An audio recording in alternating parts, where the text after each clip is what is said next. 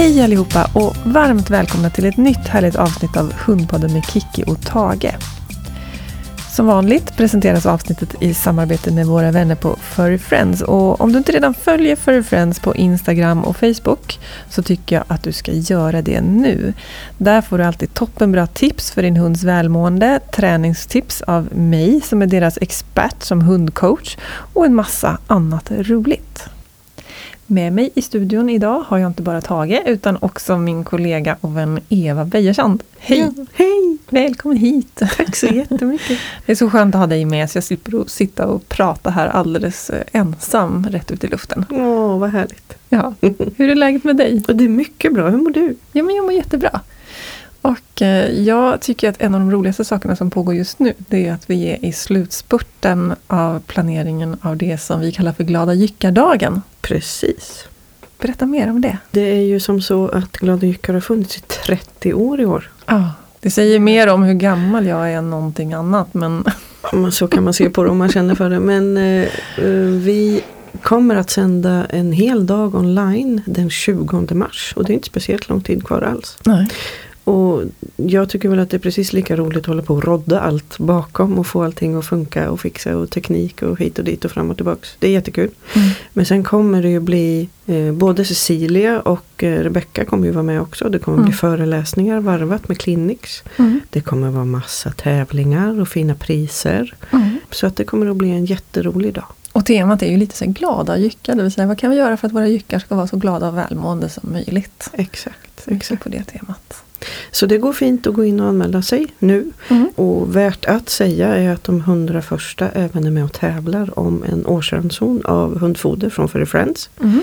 Och en privatrådgivning med dig. Mm. Så in och boka. In i boka. In Och kostnaden är 290, kronor. Ja, det här kommer ju vara en årlig tradition från och med nu, Glada Jyckardagen. Mm. Troligtvis online även i framtiden men vi får väl se om det blir live så småningom också. Men, eh, och då kommer ju priset ligga på en helt annan nivå men just för att det är våran 30-års, eh, vårt 30-årsfirande så har vi sagt ett lågt pris, det vill säga 290 kronor för en hel dag med massa spännande aktiviteter. Exakt. Men nu tycker jag vi kör igång och börjar prata om dagens tema, ensamhetsträning. Ja, Hur, hur har det varit för dig med Helge? Hur gick det med ensamhetsträningen där? Tyckte han att det var okej att vara ensam? han var helt okej med att vara ensam. Nu hade jag ju förmånen att jobba hemma. Mm. Så att jag behövde inte lämna honom så långa stunder. Det var liksom inte sex timmars eh, pass jag lämnade honom ensam. Men det skulle nog ha funkat det också. Mm. Men jag hade ju turen att ha träffat dig när jag Mm. hade Helge. Just Så jag fick ju en väldig massa bra tips. Mm. Så det, vi, det jag framförallt gjorde var att vi tog väldigt gott om tid på oss och började träna oerhört små steg först. Eh, och sen, men vi hade ingen, jag tänker att man kommer in på det sen, det här med kamera och sådana saker, det hade inte vi. Nej, det var svårare Utan- att veta liksom vad han egentligen gjorde när ni var... Det är sant. Borta. Det, det som gjorde att jag kände att det funkade väldigt bra det var att när jag, eller vi, någon av oss väl kom hem så kom han in, oftast inte ens och mötte oss i dörren utan han låg kvar i sängen Ja. och där var det varmt och gott Ja. när man gick dit. Så uppenbarligen så hade han ju legat där och sovit Ja. sig igenom den större delen av tiden han var ensam. Det är ett gott tecken. Så jag, vi hade nog, dels var han lugn och trygg i sig själv. Vi hade nog lite tur av att han var den han var också, att det gick så bra för honom att vara ensam. Mm. Tur är ett bra komplement till medveten träning. Mm. Exakt. Men eh, sen är det väl som Stenmark sa tror jag att ju mer jag tränar desto mer tur har jag. Ja, så kan Så det det, vara. kan man också ha med i bakhuvudet. Absolut. Ja, och jag tänker lite så mina erfarenheter genom åren. Jag har ju haft ett antal hundar och även haft hund innan jag hade all den kunskap jag har idag.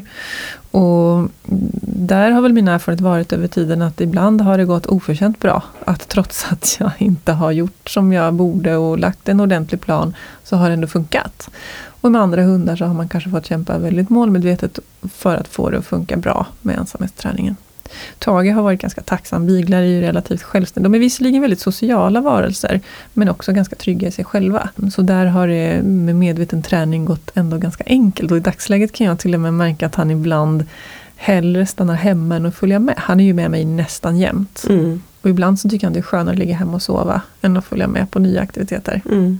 Så det är ju på ett sätt gott betyg i träningen då att han är trygg hemma och kan välja det alternativet. I dagens avsnitt så kommer vi ju också ta upp lite frågor som vi har fått ifrån lyssnare från förra säsongen. Just det, som vi inte hann ta upp i säsongsavslutningsavsnittet. Exakt, så vi kommer att flika in med lite frågor under gången. Liksom. Mm, det låter bra. Men vi börjar med att fråga varför är det jobbigt att vara ensam? Ja, hundar är ju sociala varelser som vill vara med sin familj och då blir det ju någonting negativt att bli lämnad ensam.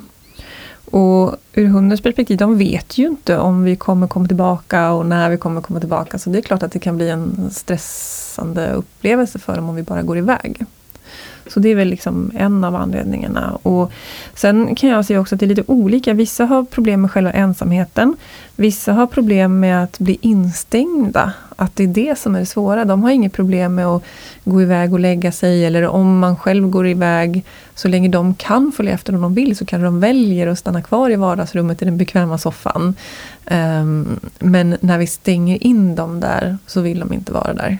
Så att det kan vara det som är problemet. Mm. Och vissa hundar har problem med själva liksom, lämna ögonblicket. Men klurar man till det lite smart och då kan de ha okej, vara helt okej med att vara ensamma sen.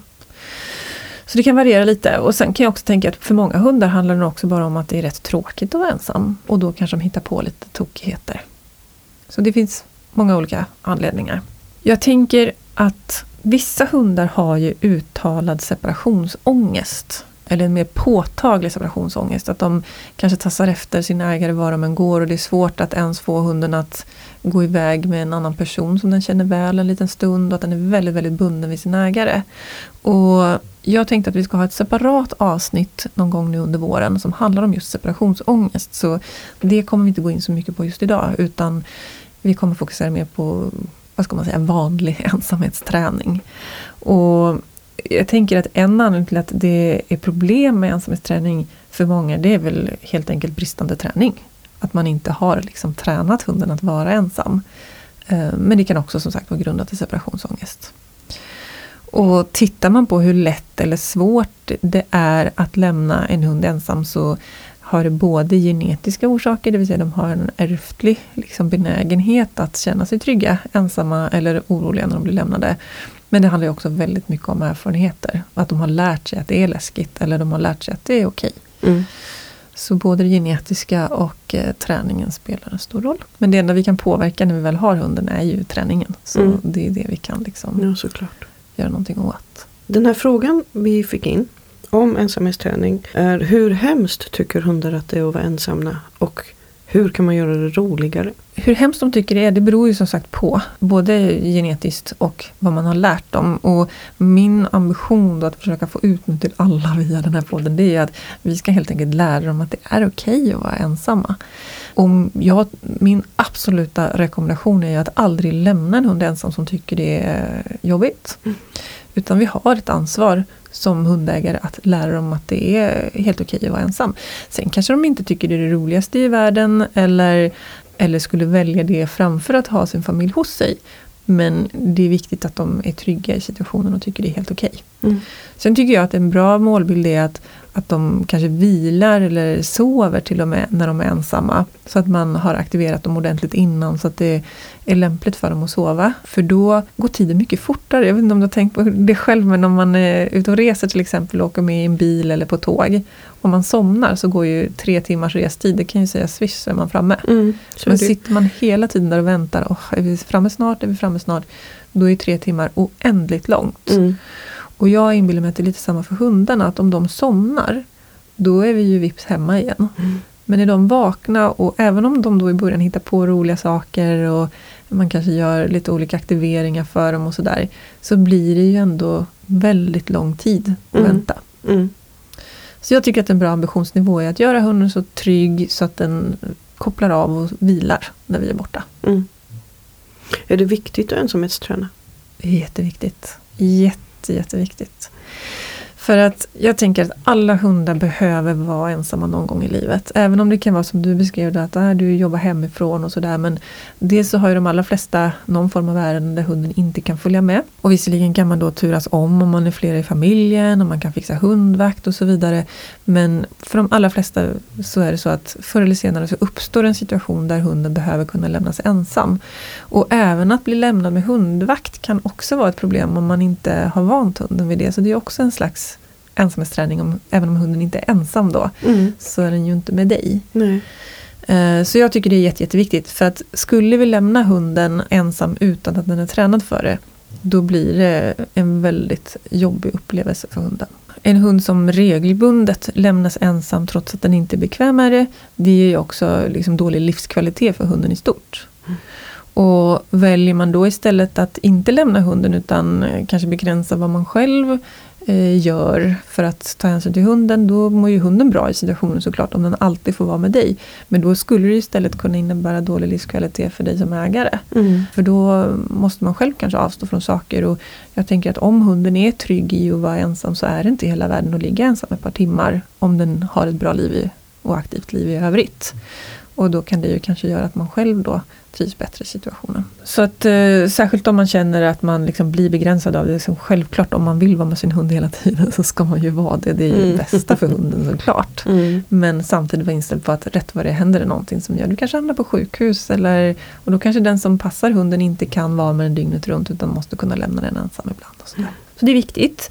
Sen tänker jag också att om man då lämnar hunden ensam och den inte är van vid det och kanske då låter mycket, till exempel skäller eller ylar, då stör det ju dessutom grannarna. Det blir ju en dålig upplevelse för hunden, den mår dåligt. Men också grannar kan klaga. Mm. Och det kan ju också vara så att hunden börjar förstöra saker, kanske tugga sönder grejer eller krafsa på dörren eller sådär så att det blir förstört. Så det är ytterligare anledningar till att eh, eh, ensamhetsträna hunden. Och ibland kan jag till och med tycka att det faktiskt är lite skönare för vissa hundar att få vara hemma än att följa med på allt. För vissa hundar är det helt fantastiskt att följa med vad som än händer och delta i allt som familjen gör.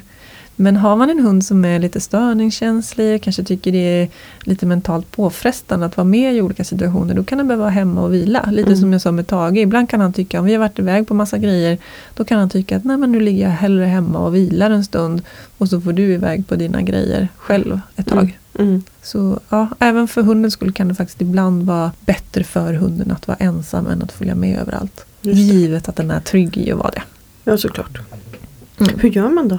Ja, hur gör man? Om man säger lite så generella saker att tänka på. Så för det första så tycker jag att det är viktigare att fokusera på känslan i hunden än på vad den gör. Det är många som, som kanske i första hand, eller det är lätt att tänka att jag vill att hunden inte ska skälla när den är ensam, jag vill att den inte ska eh, bita sönder saker, den ska inte kissa inne och sådär. Men allt det där är egentligen bara symptom på att den är otrygg. Så det viktigaste är att se till att den är trygg hemma. Mm. Då kommer vi inte ha de där problemen. Så prio ett är att fokusera på känslan i hunden. Och det som är viktigt att tänka på är att det kan ta, det kan ta ett tag. Det kan ta ganska lång tid. Och då vill det till att man börjar i tid med träningen. Så att man inte börjar när man vet att ah, på måndag ska jag börja jobba och då måste hunden kunna vara ensam fyra timmar. Ja, Utan börja i god tid innan. Mm. Och ha en plan för den första perioden med hunden. Så att du antingen då täcker upp med hundvakter eller om du kan jobba hemma eller om ni kan gå växelvis i familjen eller så. Vi har ju fått en fråga ifrån förra säsongen om ensamhetsträning som är när kan man börja ensamhetsträna valpen? Kan man göra det redan första veckan när man får hem valpen? Bra fråga och svaret är att det beror på. det beror både på vad man menar med ensamhetsträning och individen. Eh, jag skulle säga att låt hunden landa hemma i alla fall ett par veckor först innan man börjar någonting som man kan tänka sig liknar ensamhetsträning. Oavsett om det är en omplaceringshund eller om det är en, eh, en valp. Så att hunden blir liksom riktigt trygg i sitt nya hem och med dig och så. Så att man liksom börjar där. Trygghet i steg ett. Det är liksom A och O. Sen kan man börja så smått, men ensamhetsträning, det är inte då nödvändigtvis att man eh, lämnar hunden och går ut genom dörren och väntar en stund och sen går in igen, utan det kan vara ett alldeles för stort steg. Ensamhetsträning kan vara att man, eh, när hunden vilar i soffan, så passar man på att gå ut i köket och hämta ett glas vatten. Mm. Ehm, så, ja. Eller att en person i familjen håller hunden i kopplet och den andra går in i en affär och kommer ut igen. Eller, det kan vara så små saker. Mm. Och Det viktiga är att man måste anpassa det där utifrån varje individ. Så fort man ser minsta tecken på att valpen eller hunden tycker att det är jobbigt, då har man gått för fort fram. Mm. Eh, Så det är små, små, små, små myrsteg. Väldigt tydligt dock. Minsta lilla oro man ser hos, hos hunden Ja. är ett tecken på att man har gått för fort fram. Ja, Det är ett jättebra tydligt tecken för oss Ja. att läsa hunden också. exakt. Så det är exakt, och, just det här att se små tecken på oro. Inte ens att hunden, det ska inte behöva gå så långt att hunden börjar gnälla eller skälla eller glössa. För att då, då uppstår egentligen två saker. Det ena är att vi börjar bygga upp oro som Mm. kan leda till separationsångest. Och också att vi riskerar att förstärka de beteendena. För att om hunden då gnäller och vi kommer tillbaka, då kanske hunden lär sig att eller tror att tack vare att jag gnällde så kom det. tillbaka. Och då har vi börjat att lägga lite vikter i fel vågskål. Och, men om hunden väl börjar gnälla, då får man ofta rådet att man ska inte gå tillbaka då, utan man ska vänta. Problemet då är att då är det jättestor risk att vi bygger upp separationsångest och mer oro som vi får jobba bort sen. Och det är mycket, mycket svårare att ändra en känsla än att ändra ett beteende. Mm. Så jag skulle definitivt prioritera känslan. Mm. Och för att vara på den säkra sidan då så tänker jag att eh, lägga upp det i början så, så att det inte ens är risk att det blir ett pip eller gnäll eller något oönskat beteende överhuvudtaget. Andra saker som kan vara bra att tänka på när det gäller ensamhetsträningen det är att eh, jag tänker nu i det här med coronatider att i perioder då hunden inte behöver lämnas ensam då är det bra att underhålla träningen. Så att man inte helt plötsligt så behöver hund. Det kan vara bra att tänka på också bara så över semestern. Man har sommarledigt i ett par, tre, fyra, fem veckor. Eh, och, eller sommarlov. Hunden kanske inte är ensam på hela sommarlovet för att alltid är någon hemma. Mm. Och sen helt plötsligt så ska alla tillbaka till skola och jobb igen. Och då, då kan det bli problem om man tror att hunden ska klara det den klarade före sommaren. Så då kan man behöva backa i träningen. Och antingen får man då ta en ny ensamhetsträningsperiod inför varje ny sån omgång när hunden ska börja lämnas. Mm. Eller så får man försöka underhålla det och tänka på att lämna regelbundet även under sådana här uppehåll. Så det kan vara bra att tänka på. Och träna regelbundet när man tränar. Så att man inte tränar en gång varannan vecka för att då blir det lite att börja om varje gång. Utan träna kanske tre, fyra, fem gånger i veckan. Mm. Korta pass. Mm. Ehm, så att det blir liksom en naturlig del av vardagen och att man inte behöver börja om hela tiden. Och det absolut viktigaste då, se till att hunden är trygg i varje steg i träningen. Aldrig gå så fort fram att hunden hinner bli orolig. Och som med allt annat, stegra svårighetsgraden oregelbundet. Att varva de här lite utmaningarna då, att nu tar vi ett litet steg framåt, gör det lite längre eller lite svårare. Och sen varvar vi det med superlätta. Mm. Och så tar vi ett litet steg igen och så varvar vi med lätta. Just Då kommer vi liksom snabbast framåt. En annan sak som påverkar väldigt mycket det är att hunden är i så bra balans som möjligt. Det vill säga få sina behov tillgodosedda på så bra sätt som möjligt. Ordentligt med fysisk aktivitet, mental stimulans, att den mår bra fysiskt och ja, men är så välmående helt enkelt som möjligt. Mm. För då går det mycket lättare. Och jag hade en privatlektion med en kund om, om ensamhetsträning i veckan och de hade en valp som precis nu hade blivit, jag tror det var fem och en halv månad ungefär. Och sista veckan hade den börjat bli lite mer orolig av sig rent generellt. Mm. Och det är ju den här kända spökåldern som den börjar komma in i och allting blir mycket mer eh, påfrestande för hunden i vardagen. För allt är nytt och spännande och läskigt och så helt plötsligt. Hade de tränat ensamhetsträning innan som funkade? Som sen hade börjat att bli svårare för att hunden kom in i en ny utvecklingsfas? Ja, de hade börjat komma Aha. igång lite grann och sen så nu så började det backa. Och det sammanföll då med att hunden börjar komma in i en ny fas där livet är tuffare helt enkelt. Alltså gud vad bra att du sa det. För att Mm. det, det kan man ju verkligen ha med sig i bakhuvudet. Ja, Om det är så att, att det helt plötsligt inte funkar så kan det ju det kan vara någonting annat. Ja. Exakt. Det kan vara något annat än själva ensamhetsträningen i sig. Mm. Och då får man antingen, antingen kan man pausa lite om man känner att nu har hunden så mycket med allt annat att göra så att jag pausar ensamhetsträningen lite och sen så börjar man om på ett lite lättare steg så småningom när hunden är mer i balans.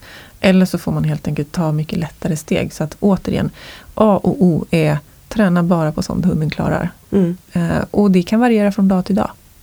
Men det är även okej att fortsätta träna även att hunden är i spökåldern. Ja, men det beror som sagt på vad man Det menar med beror på. träning. Det beror på vad man menar med träning. För att många förknippar ensamhetsträning med att man lämnar hunden, Mm. stänger dörren. Mm. Och det kanske är för svårt i den fasen. Mm. Men det kanske fortfarande funkar att jag går ut i köket och hämtar ett glas vatten. Exakt. Eller, eller att husse går hemifrån, eller matte. Mm. Eller att eh, husse eller matte går upp på övervåningen och hämtar någonting. Mm. Så att eh, man kan fortsätta så länge man gör det med så små steg. Mm. Så att hunden lyckas och är trygg i situationen. Ja, så att det, det är egentligen precis det här som är grejen. Att det går inte i en så generell träningsplan. Principerna är generella. Det är samma grundprinciper som gäller för alla hundar. Men vad de betyder det varierar. Så det finns liksom ingen universal lösning och tyvärr heller ingen quick fix. Mm. Utan man måste liksom lägga en träningsplan som är anpassad efter varje hund och varje individ. Det är det. liksom A och O. Mm. Apropå ensamma hundar så vill vi tillsammans med vår samarbetspartner Furry Friends bli lite allvarliga för en stund. Furry Friends startade nämligen det här året med att gå in som foderleverantör och samarbetspartner till organisationen Hundar utan hem. En organisation som hjälper hemlösa hundar, framförallt på Irland, att få en ny chans i livet och få komma till nya kärleksfulla hem. Och utöver att nu utfodra alla hundar som Hundar utan hem hjälper på Irland och i jourhem runt om i Sverige så har de nu en aktiv kampanj igång där de tillsammans med sina följare ska bygga en ny kennel på Irland. Det enda du behöver göra för att vara en del av bygget av den nya kenneln är att följa Furry Friends. Så gå in på Furry Friends på Instagram och följ dem så är du med och bidrar i deras fina kampanj för Hundar utan hem.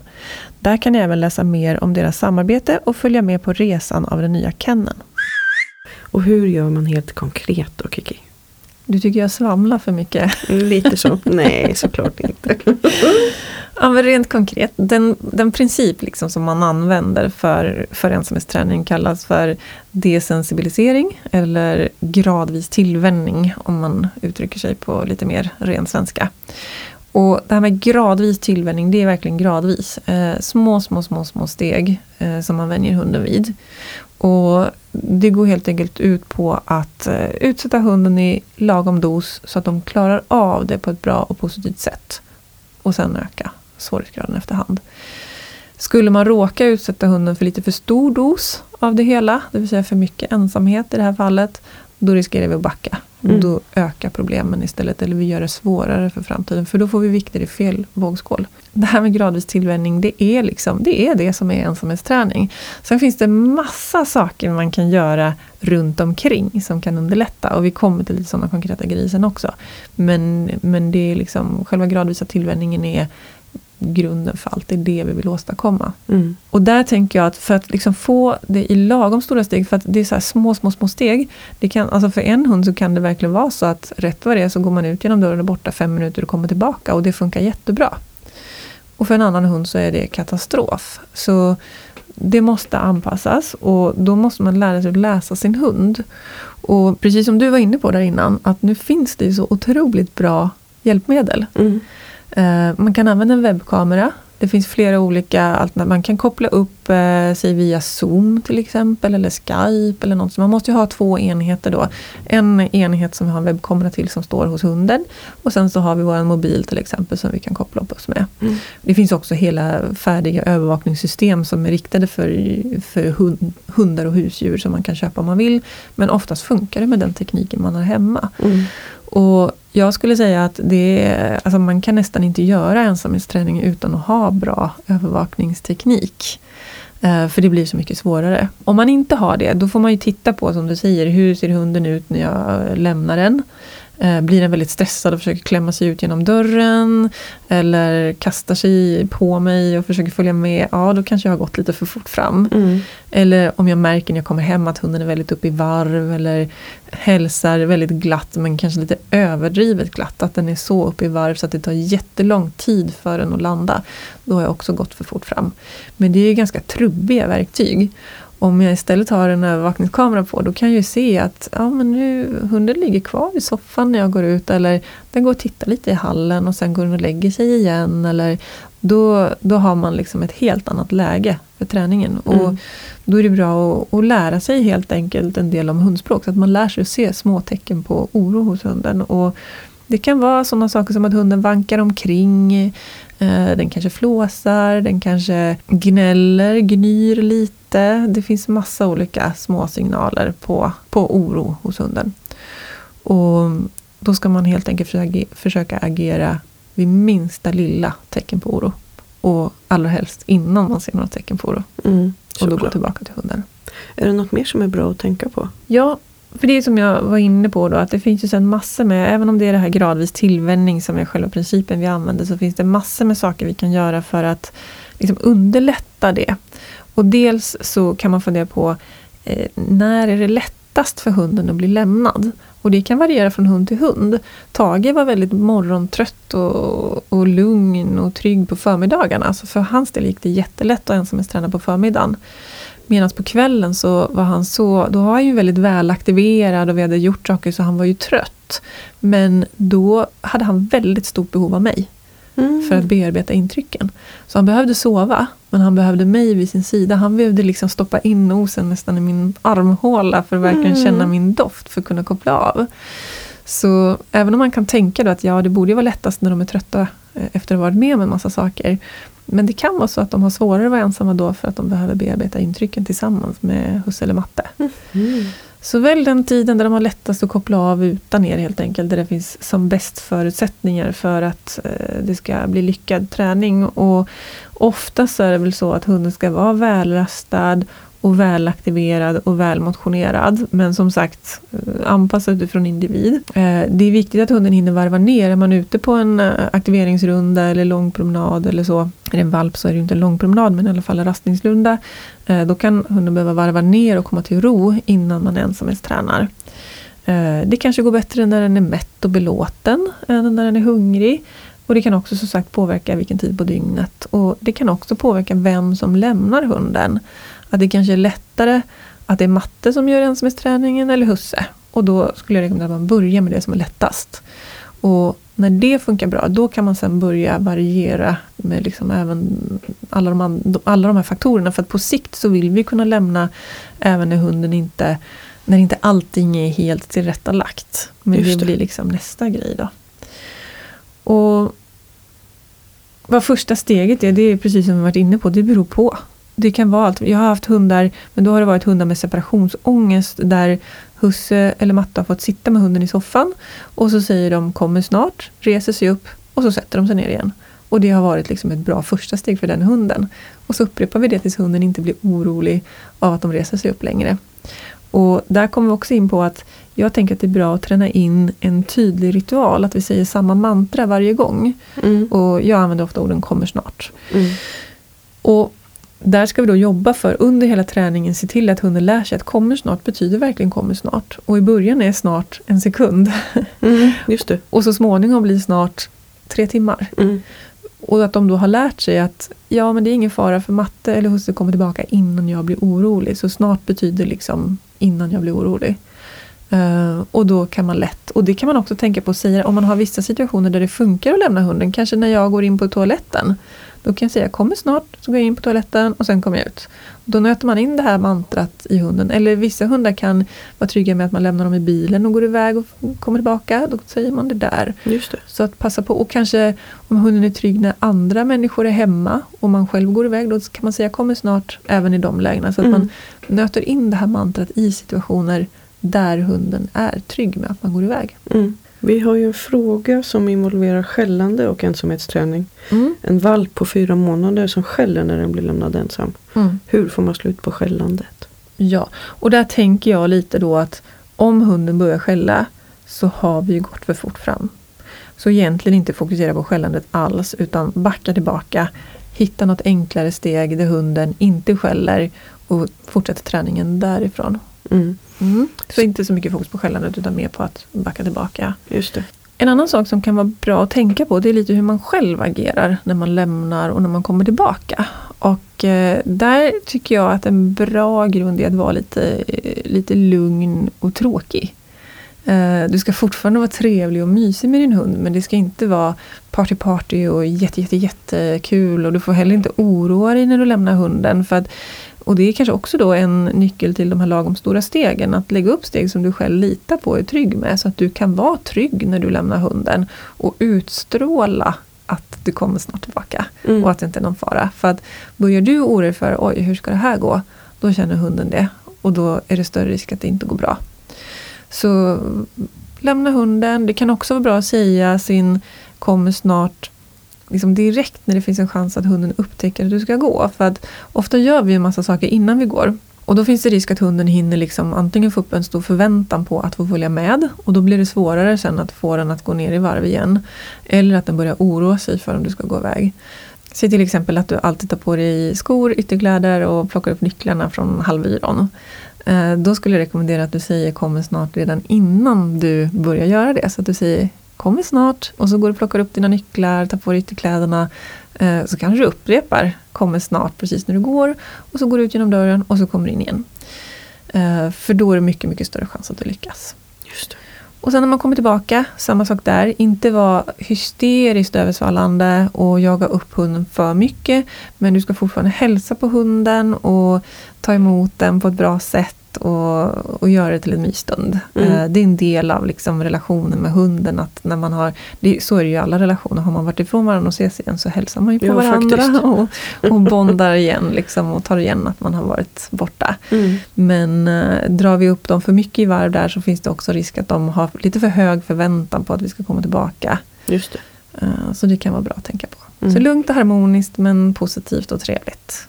Är en bra inställning. Mm. Hur lång tid kan det ta? Det där är jätte, jättesvårt att svara på. eh, För att det varierar så otroligt mycket. Både utifrån vad man har för hund och situation och hur mycket man tränar. Eh, Men jag skulle snarare säga månader än veckor. När det gäller att komma till att kunna lämna hunden ett par timmar eller sådär. Det som man kan tänka på är att träningen, vad ska man säga, tiden som hunden klarar av att vara ensam går liksom exponentiellt ökningsmässigt. Det vill säga det går väldigt långsamt i början och sen blir det som en Mhm. swoosh på slutet. Så att man kan nöta på med myrsteg i början och då kan det kännas helt hopplöst. För att det känns som att det här liksom kommer ju ta år att komma till att kunna lämna hunden i ett par timmar. Ja. Men när man väl kommer över en viss gräns, kanske en halvtimme, 45 minuter, då tuggar det på ganska snabbt sen. Så ja, det känns väldigt, väldigt segt i början. Och en sån här nyckelfaktor är att ju långsammare man går fram i början, desto snabbare når man resultatet. Mm. Så ja, svårt att säga hur lång tid det tar. eh, Men eh, hav förtröstan. och ju mer ro i magen man kan ha liksom, och ta det lite lugnt, desto snabbare går det. Mm. Det handlar mycket om att samla på vikter i rätt vågskål. Många positiva erfarenheter. Mm. Då, då går det snabbare mot målet. Mm. Den sista frågan som vi har med oss från förra säsongen är Hur botar man en hund med separationsångest? Mm. Jättebra fråga. Och jag tycker att den frågan är så bra så att vi ska faktiskt ha ett helt avsnitt om just det. Mm. Eh, Så det blir ett separat avsnitt någon gång under våren om separationsångest. Så då kommer vi tillbaka till det. Mm. Mm. Jättebra. Mm. Har du några tips Kiki? Ja, lite så konkreta tips. Det blir Ja. lite sammanfattning kanske av det jag pratat om hittills. Mm.